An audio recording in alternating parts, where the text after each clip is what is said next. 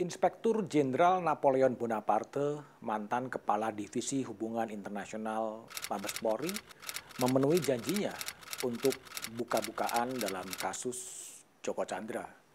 Belum sepenuhnya terbuka, tetapi informasi-informasi dari Napoleon mulai menarik untuk ditindaklanjuti.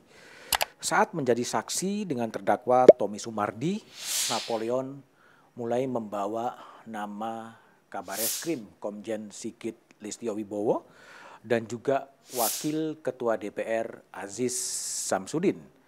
Dalam kesaksiannya, Napoleon mengatakan sempat berkomunikasi dengan Aziz Samsudin menggunakan telepon genggam milik Tommy Sumardi. Dikutip oleh media atas kesaksian Napoleon. Assalamualaikum, selamat siang Pak Aziz. Bang, apa kabar? Baik, Pak Aziz, saya sampaikan, ini di hadapan saya ada datang Pak Haji Tommy Sumardi dengan maksud tujuan ingin mengecek status red notice. Mohon petunjuk dan arahan, Pak. Silakan saja, Pak Napoleon. Baik. Kemudian telepon ditutup, saya serahkan kembali menggunakan nomor ponsel milik terdakwa Tommy Sumardi. Itulah sepenggal kesaksian dari Napoleon yang tentunya harus ditelusuri lebih jauh dan harus dikonfirmasikan kepada Aziz Samsudin apakah betul ada komunikasi antara Napoleon dengan Aziz Samsudin dengan menggunakan telepon dari Tommy Sumardi.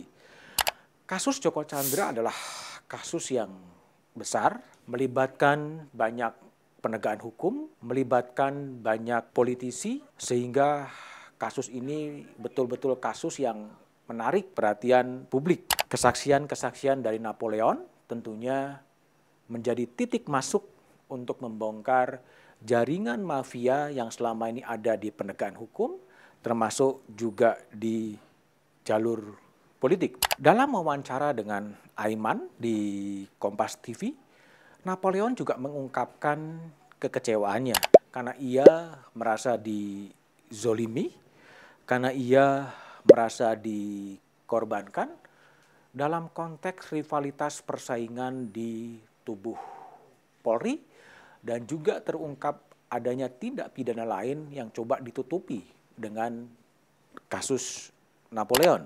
Napoleon merasa dimasukkan dalam sel bersama dengan kasus-kasus terdakwa kasus narkotika termasuk juga dengan Maria Pauline Lumowa Maria Pauline Luma adalah buronan kasus perampokan Bank BNI yang ditangkap oleh Napoleon di Serbia pada bulan Juli 2020. Jenderal Napoleon dipersalahkan menerima uang atas upayanya menghapus red notice, tapi tuduhan itu kemudian dibantahnya. Di program Aiman juga ada spekulasi bahwa Napoleon kemudian menjadi korban dalam rivalitas persaingan dalam kasus persaingan menuju Kapolri, calon Kapolri, tetapi juga ada tindak pidana yang kemudian ditutupi. Tapi kesaksian itu tetapnya harus diuji dalam panggung pengadilan. Akan tetapi curhat dari Napoleon soal ditempatkan di sel yang bersebelahan dengan Maria Pauline Lumowa tetap menarik untuk ditelusuri Buronan 11 tahun pembobol Bank BNI 1,7 triliun dijemput khusus oleh Menteri Hukum dan HAM Yasona Loli dari Serbia. Berita penangkapannya menyita halaman-halaman koran dan tayangan-tayangan di televisi, tetapi sampai sekarang kemudian kasus Maria Lumowa ini tidak terdengar update-nya. Tidak ketahuan bagaimana progresnya, dan itulah yang kemudian diungkap oleh Napoleon dia mengingatkan bahwa di sebelah sel dari Napoleon adalah sel Maria Pauline Lumawa. Sudah hampir empat bulan tidak terdengar pergerakan progres dari Maria Pauline Lumawa. Padahal kasus ini sendiri kasus yang sebetulnya berbau-bau politik karena berdasarkan wawancara harian Kompas dengan Maria Pauline Lumawa di Singapura mengatakan mengapa dia melarikan diri dari Indonesia. Lumowa seperti dikutip Kompas mengatakan begini, Bagaimana saya tidak takut? Belum apa-apa, saya dituduh melakukan penipuan, melakukan pencucian uang, menculik pengacara saya, bahkan dituduh mengucurkan dana kepada para calon presiden. Apa semua tuduhan itu betul?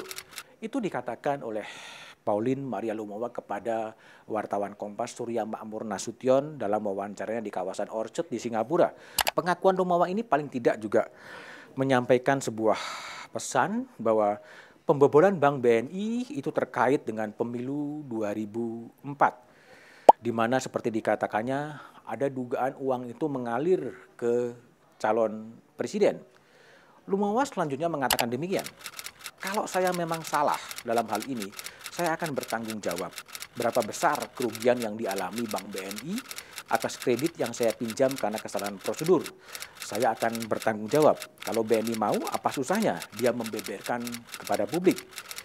Tapi itu tak dilakukan Bank BNI, padahal semua catatan ada pada Bank BNI. Saya tak mau disalahkan dan dijadikan korban. Itu yang menyakitkan hati saya, kata Lumowa pada waktu itu digambarkan sambil menangis. Kalau dari BNI semuanya jelas dan saya dijamin masuk ke Indonesia, baru saya bersedia datang ke Indonesia menjelaskan kepada polisi. Saya tidak mau gara-gara ada yang orang merampok uang bank negaranya sendiri lalu saya seakan-akan dikorbankan.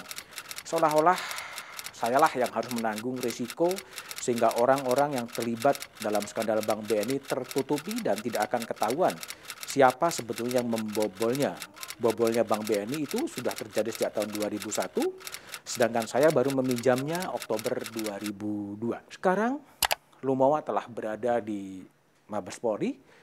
Napoleon telah mengingatkan bahwa ia berada di sebelah sel dari Lumawa. Ini adalah saat yang tepat bagi otoritas penegakan hukum untuk kemudian meneruskan dan mengupdate kepada publik bagaimana hasil penyelidikan dan penyidikan terhadap Pauline Maria Lumawa apakah betul ada dana-dana yang mengalir untuk kepentingan pemilu presiden dan siapa yang menikmati itu yang harus kemudian dibongkar. Tentunya curhat dari Napoleon menjadi sesuatu yang menarik. Biarkan dan teruslah Napoleon Bonaparte untuk menyanyi, menjadi peniup peluit sebagai bentuk kontribusinya untuk negeri. Menjadi tugas kepolisian dan juga menjadi tugas untuk KPK untuk membongkar permainan-permainan hukum, permainan-permainan transaksi dalam sistem peradilan pidana di Indonesia. Teruslah bernyanyi Napoleon Bonaparte, publik menantikan nyanyian-nyanyianku yang lebih keras. Apa pun yang terjadi, janganlah pernah lelah untuk mencintai Indonesia dan di era pandemi janganlah lupa untuk tetap memakai masker.